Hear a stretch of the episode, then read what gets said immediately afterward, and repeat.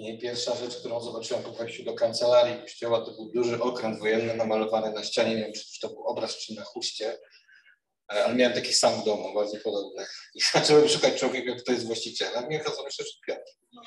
On służył jako zawodowy żołnierz, ja natomiast byłem służbie zasadniczej, ale znaliśmy te tereny dosyć dokładnie razem. To był taki wspólny język. I byliśmy w jednym kościele.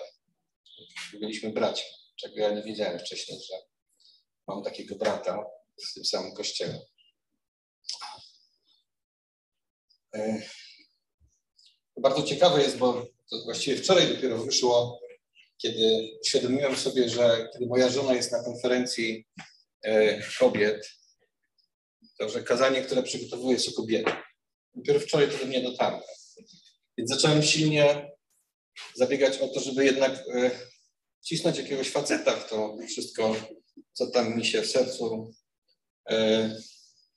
pojawiało i się nie udało. Dzisiaj, jeśli uda mi się, wspomnę o czterech kobietach w Biblii, które poruszyły moje serce. Kiedy usłyszałem to, co moja żona zdążyła mi powiedzieć o tym, co było na konferencji, to, co usłyszałem dzisiaj, to myślę sobie, że Bóg wiedział, co robi, że nie pozwolił mu tam wcisnąć jakiegoś e, mężczyzny, e, że to jest wasze święto, że E, wszystko, co tam się działo, wszystko, co się działo wcześniej w moim domu i dzisiaj, to wszystko było podporządkowane temu, aby kobiety z różnych zborów, tutaj z Krakowa i e, z kraju, e, miały swoje pięć minut, jeśli można tak powiedzieć, miały swoje święto, że Bóg dla nich przygotował coś niezwykłego. Jeśli to, co teraz, o czym teraz powiemy, będzie jakąś kontynuacją tego, jakąś chociażby namiastką tej kontynuacji, to myślę, że to e, uraduje moje serce i myślę, że będzie radowało też wasze, a i e, wierzę w to, że Bóg też odbierze należną mu chwałę. Panie, prosimy Cię, byś błogosławił ten czas. I chcę Ci dzisiaj podziękować za każdą kobietę na tym miejscu.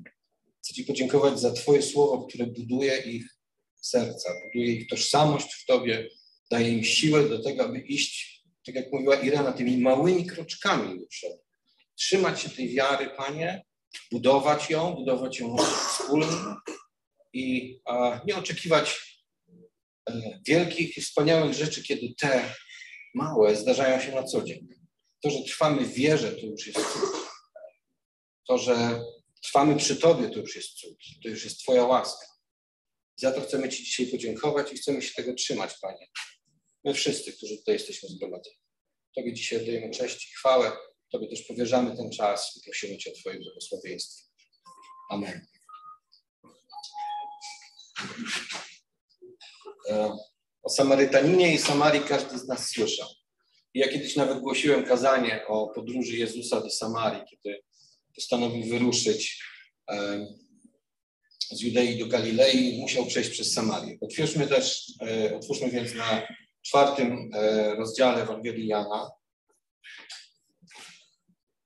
i o Samarytance też wszyscy słyszeliśmy. Ktoś by mógł powiedzieć znowu o Samarytance, ale e, chciałbym, żebyśmy poruszyli ten temat dzisiaj. Chciałbym, żebyśmy chwilę zatrzymali się przy studni, tam, gdzie nastąpiło to niezwykłe spotkanie i pomyśleli o tej całej sytuacji. Samaria to jest takie miejsce, zanim zaczniemy czytać, e, którego Żydzi bardzo skrupulatnie e, unikali.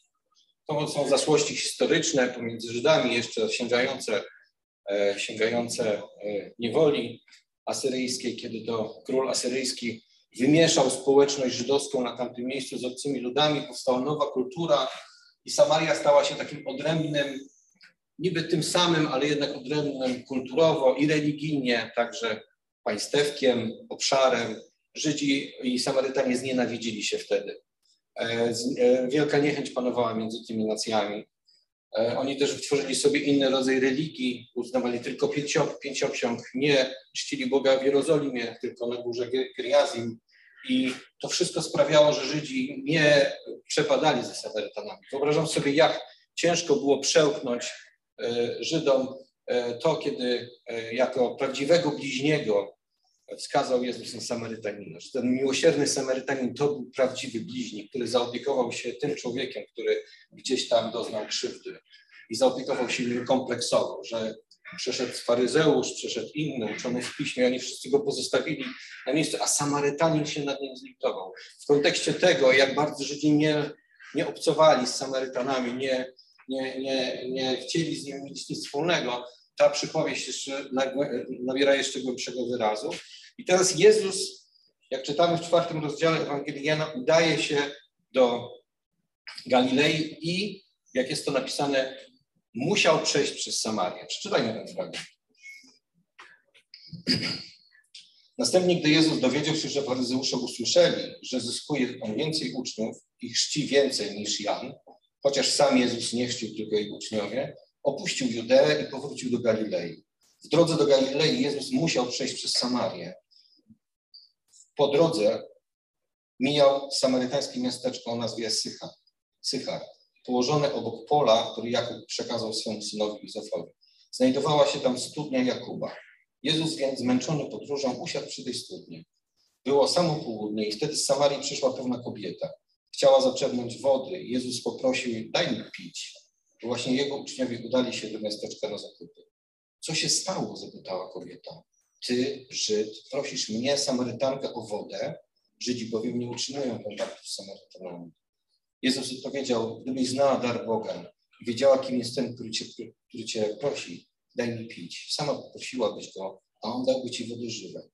Panie, zauważyła kobieta, nie masz nawet czerpaka, a studnia jest głęboka. Skąd więc masz tą żywą wodę?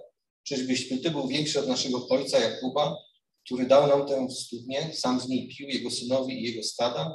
Jezus powiedział, każdy, kto pije tę wodę, znów będzie odczuwał pragnienie. Lecz ten, kto się napije mojej wody, nie zazna pragnienia na wieki.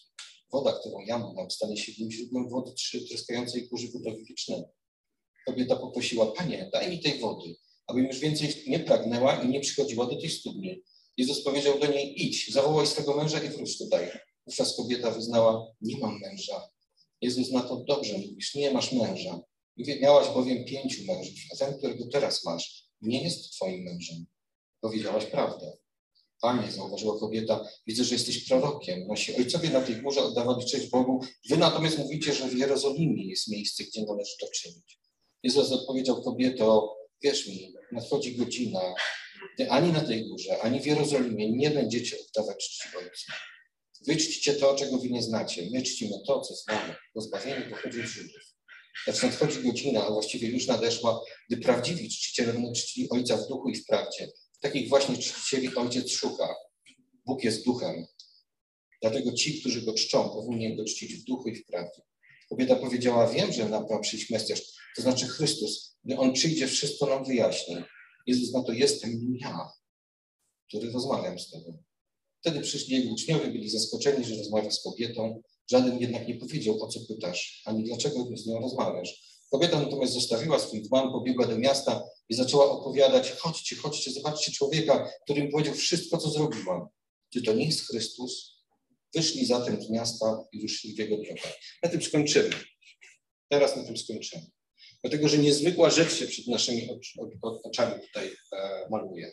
Oto Jezus, będąc Żydem, przychodzi do miejsca, do którego Żydzi zwykle nie chadzają i spotyka kobietę, samotną kobietę, z którą nie powinien zamienić tak naprawdę ani jednego słowa. Jeśli miałby być posłuszny tradycji, religii i gdyby miał e, być w porządku wobec swojej, e, swojego narodu i tych wszystkich przepisów prawa, które obowiązują, nie powinien zamienić ani słowa. Powinien omijać ją szerokim łukiem. Jezus łamie te wszystkie rzeczy. Jezus nie przejmuje się tym. Taki jest nasz Pan. Nie przejmuje się konwenansjami, konwenansami. Nie interesuje go zachowywanie e, jakichś e, przykazań, które do niczego nie prowadzą, które dzielą ludzi. Ta niechęć, historia, która wyrosła między dwoma, dwoma narodami w Jezusie Chrystusie przestaje mieć jakiekolwiek znaczenie i on to wyraźnie pokazuje. Uczniowie, choć byli zdziwieni, przyszli, zobaczyli, że rozmawia, ale nie mieli śmiałości zapytać, czemu ty w ogóle z nią rozmawiasz. Ale tej kobiecie przytrafiło się coś niezwykłego.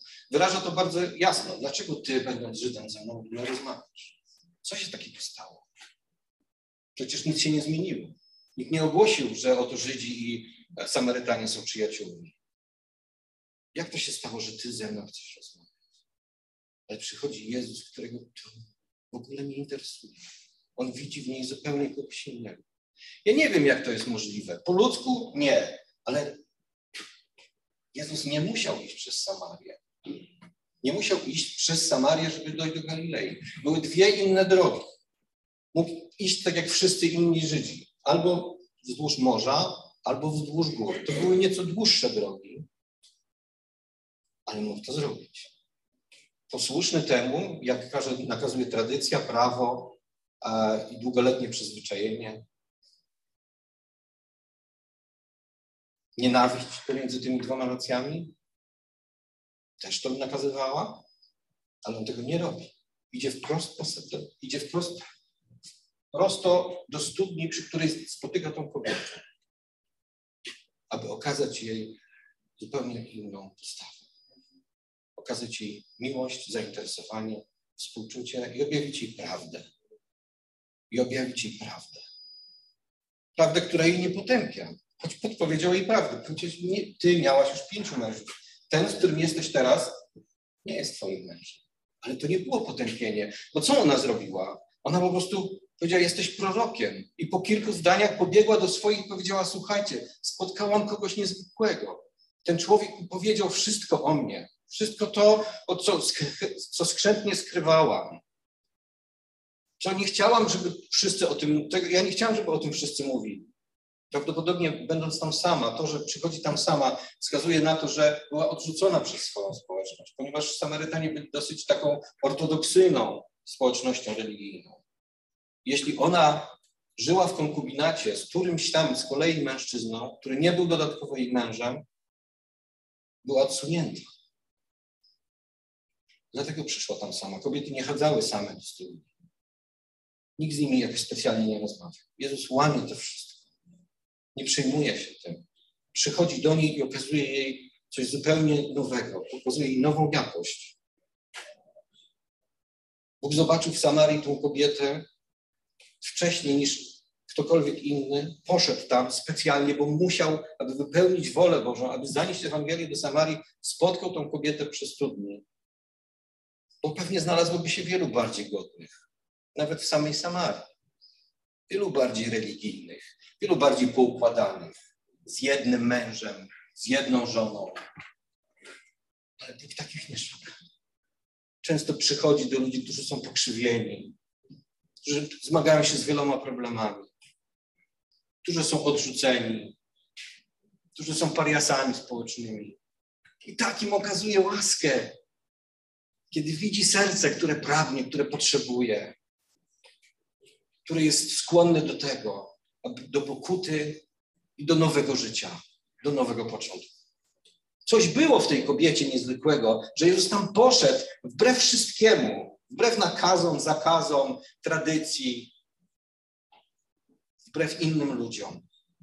Poszedł, aby spotkać ją przy.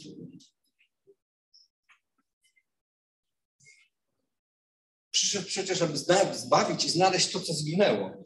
Mateusza 18:10 czytamy: Baczcie, abyście nie gardzili żadnym z tych małych, bo powiadam wam, że aniołowie w niebie ustawicznie patrzą w oblicze Ojca mojego, który jest w niebie.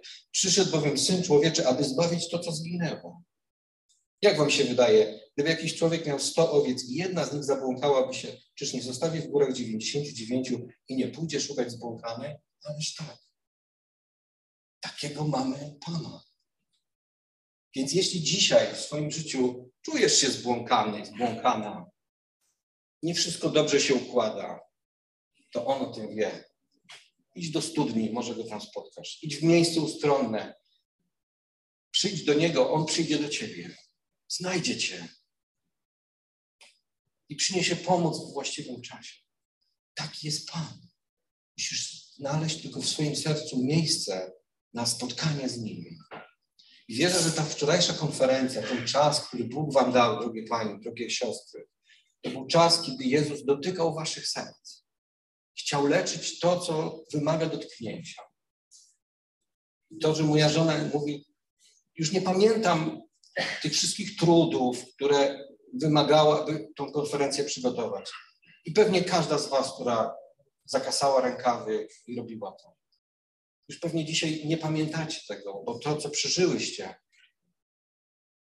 to, co Bóg wam dał, jest znacznie cenniejsze i znacznie ważniejsze. Rzymian 10:20 czytamy: Dałem się znaleźć tym, którzy mnie nie szukali. Objawiłem się tym, którzy o mnie nie pytali. Bo Bóg jest dobry i wie, czego potrzebujemy bardziej niż my. Przychodzi w odpowiednim czasie, aby leczyć to, co poranione, co chore, co krzywe. Taki jest nasz Pan. Bo On jest zawsze dobry. Nawet kiedy, kiedy nas karci, nawet kiedy wymaga tego, abyśmy podlegali jakiejś dyscyplinie, ciągle jest dobry dla nas. Ciągle szuka rozwiązania.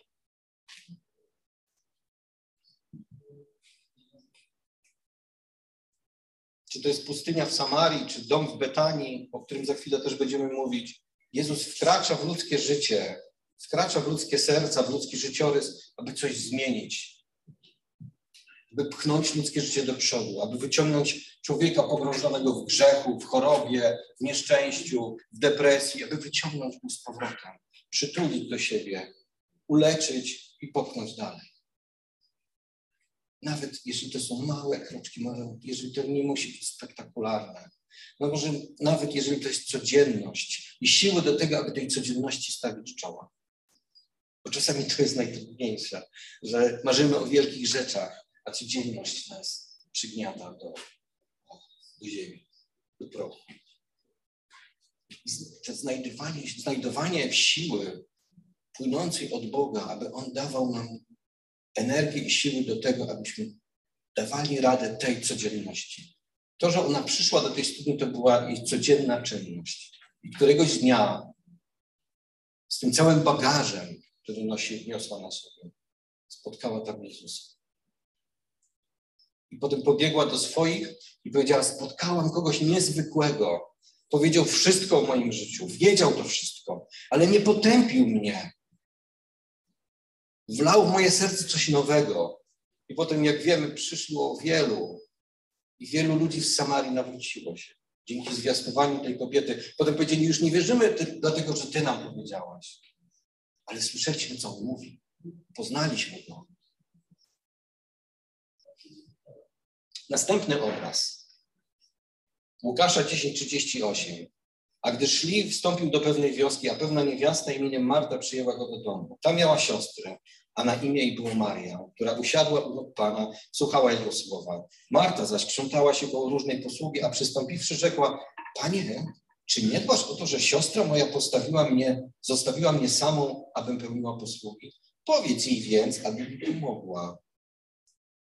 A odpowiadając, rzekł do niej Pan, Marto, Marto, troszczysz się i kłopoczysz o wiele rzeczy. Niewiele zaś potrzeba, bo tylko jednego. Maria bowiem dobrą cząstkę wybrała która nie będzie im odjęta. To był, taki, to był dom um, sióstr Marii i Marty, dom Łazarza, dom przyjazny Jezusowi. Dom, do którego Jezus przybywał. Dom, który, w którym zawsze mógł znaleźć schronienie. Zawsze znalazł, znaleźć dobre słowo. E, taka przystań. Jest w tym domu i dochodzi do sytuacji, w której Maria kładzie się jego stóp i chce słuchać, a Marta się krząta. Czy Marta robiła coś złego? No, na pierwszy rzut oka nie. Usługiwała tym, którzy tam byli. Ale coś było nie w porządku z jej sercem. Ponieważ przyszła do Jezusa i powiedziała, zrób z nią coś. Niech ona też się krząta.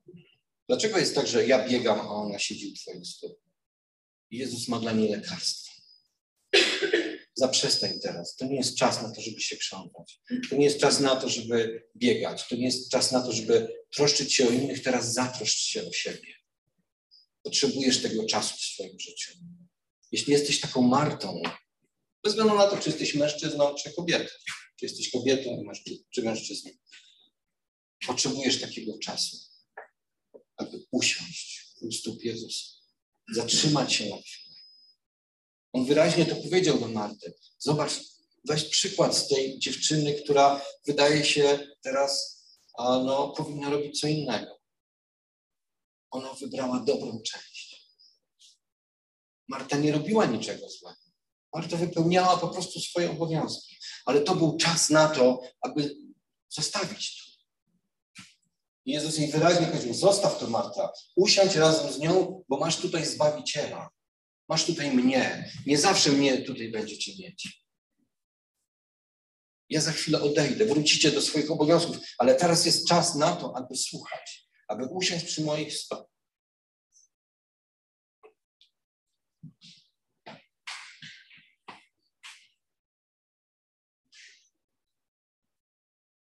Jesteś potrzebny w Królestwie, jesteś potrzebna w Królestwie Bożym taką, jaką jesteś, takim, jakim jesteś. Nie musisz się zmieniać na siłę. To, co musisz robić, to słuchać i rozpoznać czas na wiedzenie. To, czego powinieneś, powinnaś doświadczyć, to chwil takiego wyciszenia i spokoju przed Bogiem. I, tą do, i wybrać tą dobrą cząstkę, tą dobrą część swojego dnia, swojego tygodnia, aby mieć chwilę na odpoczynek. Dzisiejszy świat nas zmusza do tego, aby pędzić. Pędzić na złamanie karku. Telefonia komórkowa miała nam ułatwić kontakt. Internet miał nam ułatwić życie, ale pędzimy gdzieś przed siebie. Pędzimy gdzieś przed siebie. Wydaje się, że to, to ułatwienie tych kontaktów powinno nam oszczędzić dużo czasu, ale my nadal pędzimy przed siebie. I trzeba znaleźć takie chwile, kiedy mówisz stop. To jest tak jak a, trzeba po prostu zmusić się do tego, aby znaleźć chwilę i powiedzieć stop. To jest dzień, to jest godzina, to jest wieczór, to jest moment, w którym muszę usiąść przy stopach Jezusa. Usiąść i odpocząć. To jest ten czas.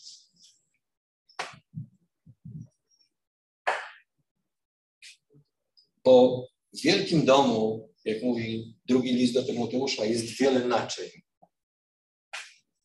Wszakże fundament Boży stoi niewzruszony. Drugi rozdział listu drugiego do Tymoteusza. A ma taką pieczęć na sobie, zna Pan tych, którzy są Jego. Nie odstąpi od niech odstąpi od niesprawiedliwości każdy, kto wzywa imienia Pańskiego. W wielkim zaś domu są nie tylko naczynia złote i srebrne, ale też drewniane i gliniane Jedne służą do celów zaszczytnych, drugie do pospolitych. Jeśli wtedy kto siebie czystym zachował tych rzeczy pospolitych, będzie naczyniem do celów zaszczytnych, poświęconych i przydatnych dla Pana, nadającym się do wszelkiego dzieła dobrego.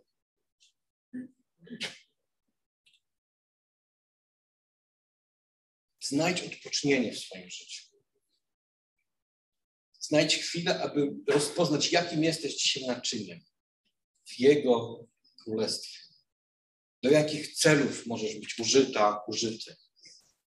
Znajdź swoje powołanie, znajdź na to chwilę. To jest potrzebne, to jest konieczne. Jeśli chcemy być użyteczni, jeśli chcemy funkcjonować w Królestwie Bożym, znajdź tą chwilę. Samarytanka spotkała Jezusa i znalazła tą chwilę na rozmowę. Jezus ją tam spotkał, bo wiedział, że ona tam przyjdzie. Jezus wstąpił do domu Marii i Marty i wskazał Marcie, zatrzymaj się kobieto, teraz jest czas nawiedzenia tego domu, zatrzymaj się, usiądź. Taki jest nasz Pan.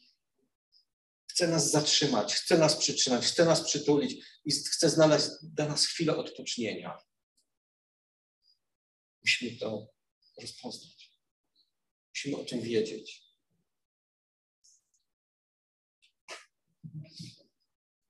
Może Maria była podobna do Marty w codziennym życiu. Ale akurat wtedy wybrała dobrą cząstkę. Powiedziała: ja, ja teraz nie będę posługiwać. Tu jest Jezus. Tu jest kogoś, ktoś, na kogo czekałam. To jest ktoś ważny dla mnie. To jest gość, który jest zbyt ważny, aby, aby nie posłuchać, co ma do powiedzenia.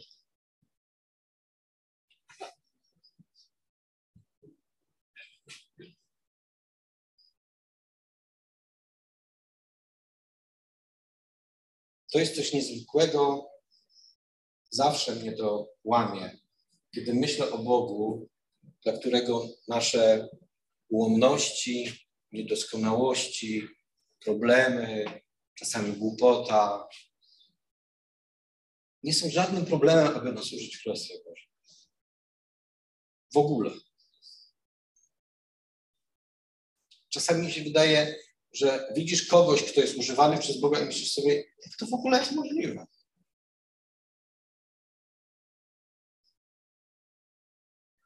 Przecież są ludzie bardziej kompetentni. Wydaje mi się, że są ludzie, którzy lepiej by to zrobili. A Bóg posługuje się kimś takim. To złe myślenie. Bóg przyszedł do tych, którzy się źle mają, którzy są chorzy. Wybrał sobie do służby e, ludzi, którzy niczym szczególnym się nie wyróżniali. Ani swoją religijnością, ani swoją postawą, ani pozycją społeczną.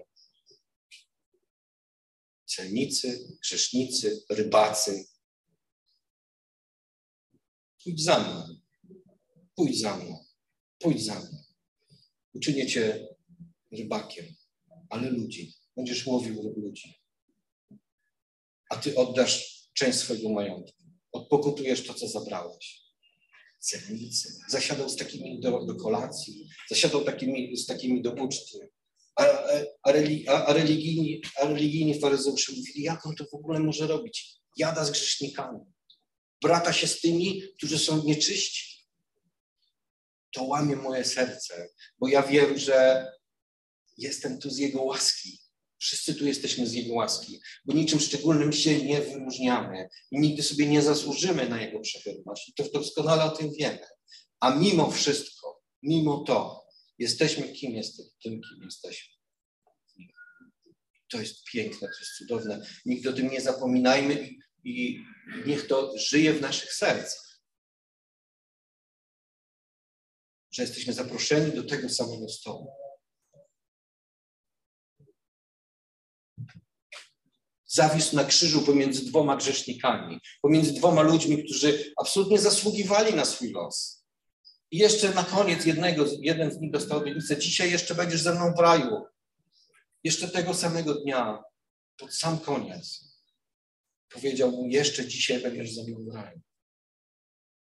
Nie szuka doskonałych, nie szuka godnych,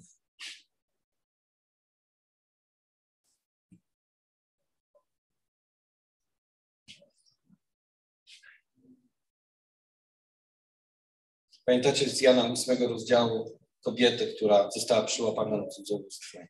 To była jedna z pierwszych, pierwszych historii o, o Jezusie, która tak naprawdę przeniknęła głęboko moje serce. Kiedy przyprowadzili kobietę oskarżoną o cudzołóstwo, i on nie powiedział nic, tylko pisał. I to zdanie, które rozproszyło cały ten tłum. Jeśli ktoś z was jest bez grzechu, niech pierwszy rzuci kamień ci wszyscy, którzy krzyczeli, potępiali, przyszli, aby zobaczyć, co on zrobi, aby go wypróbować, ewentualnie zobaczyć śmierć cudzołożnicy. A on tylko pisał. Nie wiemy do dzisiaj, co tam pisał. Być może dawał im czas do namysłu, może wypisywał ich przewinienia, może tak, żeby mogli to przeczytać. Nie wiemy tego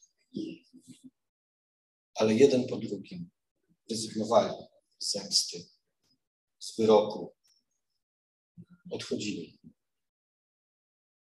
Niezwykła siła, siła przebaczenia, siła miłości i siła prawdy. Takiego mamy Pana. Odeszli wszyscy. I pytanie, cię nie potępił, gdzie oni wszyscy są? To idź Idź i zostaw to życie, które prowadziłeś. Zrezygnuj z tego życia, zacznij życie od nowa. Na każdym etapie życia możesz to zacząć od nowa. Na każdym etapie życia. Kiedyś, to było już dosyć dawno temu, niektórzy z Was może pamiętają i niektórzy z Was wiedzą, że pracuję w poligrafii i wiem, na czym mniej więcej polega druk. I e, z drukarzem jest tak, że drukarz musi wypuścić tylko dobry nakład maszyny. Tylko liczą się egzemplarze, arkusze, które są dobrze spasowane, kolory pięknie wyglądają, reszta idzie do kosza. Kiedyś Bóg wlał moje serce taką myśl. Ja nie wyrzucam zepsutych rakiuszy. Daję im drugą szansę. I tak, takiego mamy Pana, takiego mamy Boga. Jeśli ci w twoim życiu nie pójdzie dobrze, to Bóg daje ci drugą, trzecią, czwartą, dziesiątą szansę. Żadna kartka papieru tego nie wytrzyma po przejściu przez maszynę. Ale Bóg ma tą moc, aby zmazać zepsuty obraz i wydrukować cię po raz kolejny, po raz kolejny, aż nauczysz się, aż to stanie się podobne do tego, co On dla ciebie zaplanował. Nie zrezygnuję. Nie rezygnuj z siebie, nie rezygnuj z Niego, nie rezygnuj. Nie wiem, na jakim życi, etapie życia jesteś, bo życie niesie ze sobą czasami bardzo trudne sytuacje i trudne wybory. Świat wciąga swoimi błyskotkami, gadżetami, ale nikt nie zastąpi Chrystusa. Jeśli naprawdę Go doświadczyłeś, to nikt nie zastąpi, nikt ani nic nie zastąpi Jezusa Chrystusa. Nikt tak nie przebacza, nikt tak nie leczy, nikt tak nie dotyka i nie przemienia ludzkiego życia. Bo to tylko łaska i dobroć Boża ma moc do trwałej przemiany ludzkiego życia. Tylko Jego łaska i dobroć są w stanie nas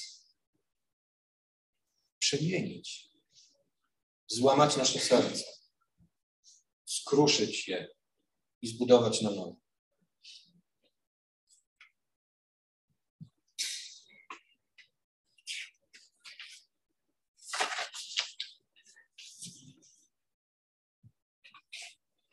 Miłosierny i łaskawy jest Pan, cierpliwy i pełen dobroczyn.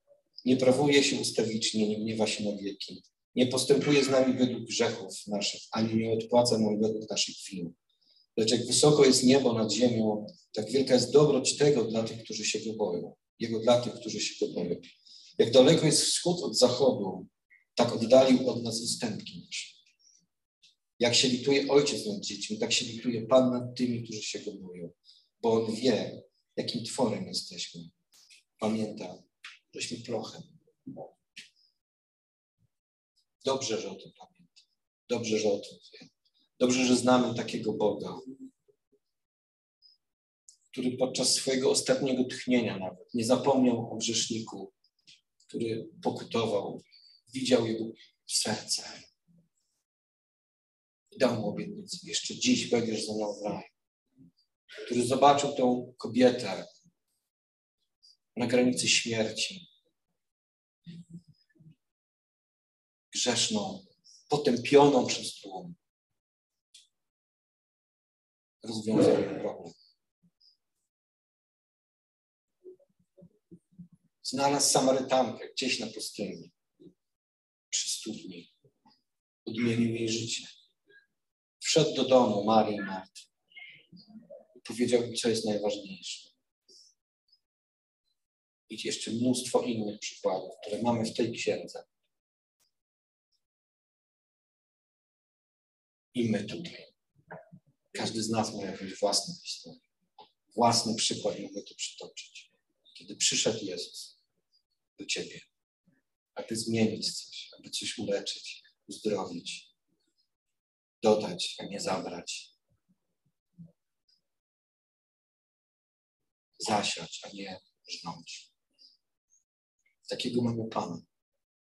To dobry i miłosierny Amen. Panie, dziękujemy Ci za to. Błogosławimy Twoje święte imię. Wywyższamy Cię za to, jak dobry jesteś dla nas, jak miłosierny, jak cierpliwy. Niech Twoje święte imię będzie wywyższone, Panie. Dziękujemy Ci za nasz Kościół. Dziękujemy Ci, Panie, za, e, za tą konferencję, którą miały nasze E, nasze Panie wczoraj, za to, że je ubłogosławiłeś, Panie, i dodałeś coś do ich życia. Dziękujemy Ci, Panie, za wszystko. Wywyższamy Twoje święte imię. Amen.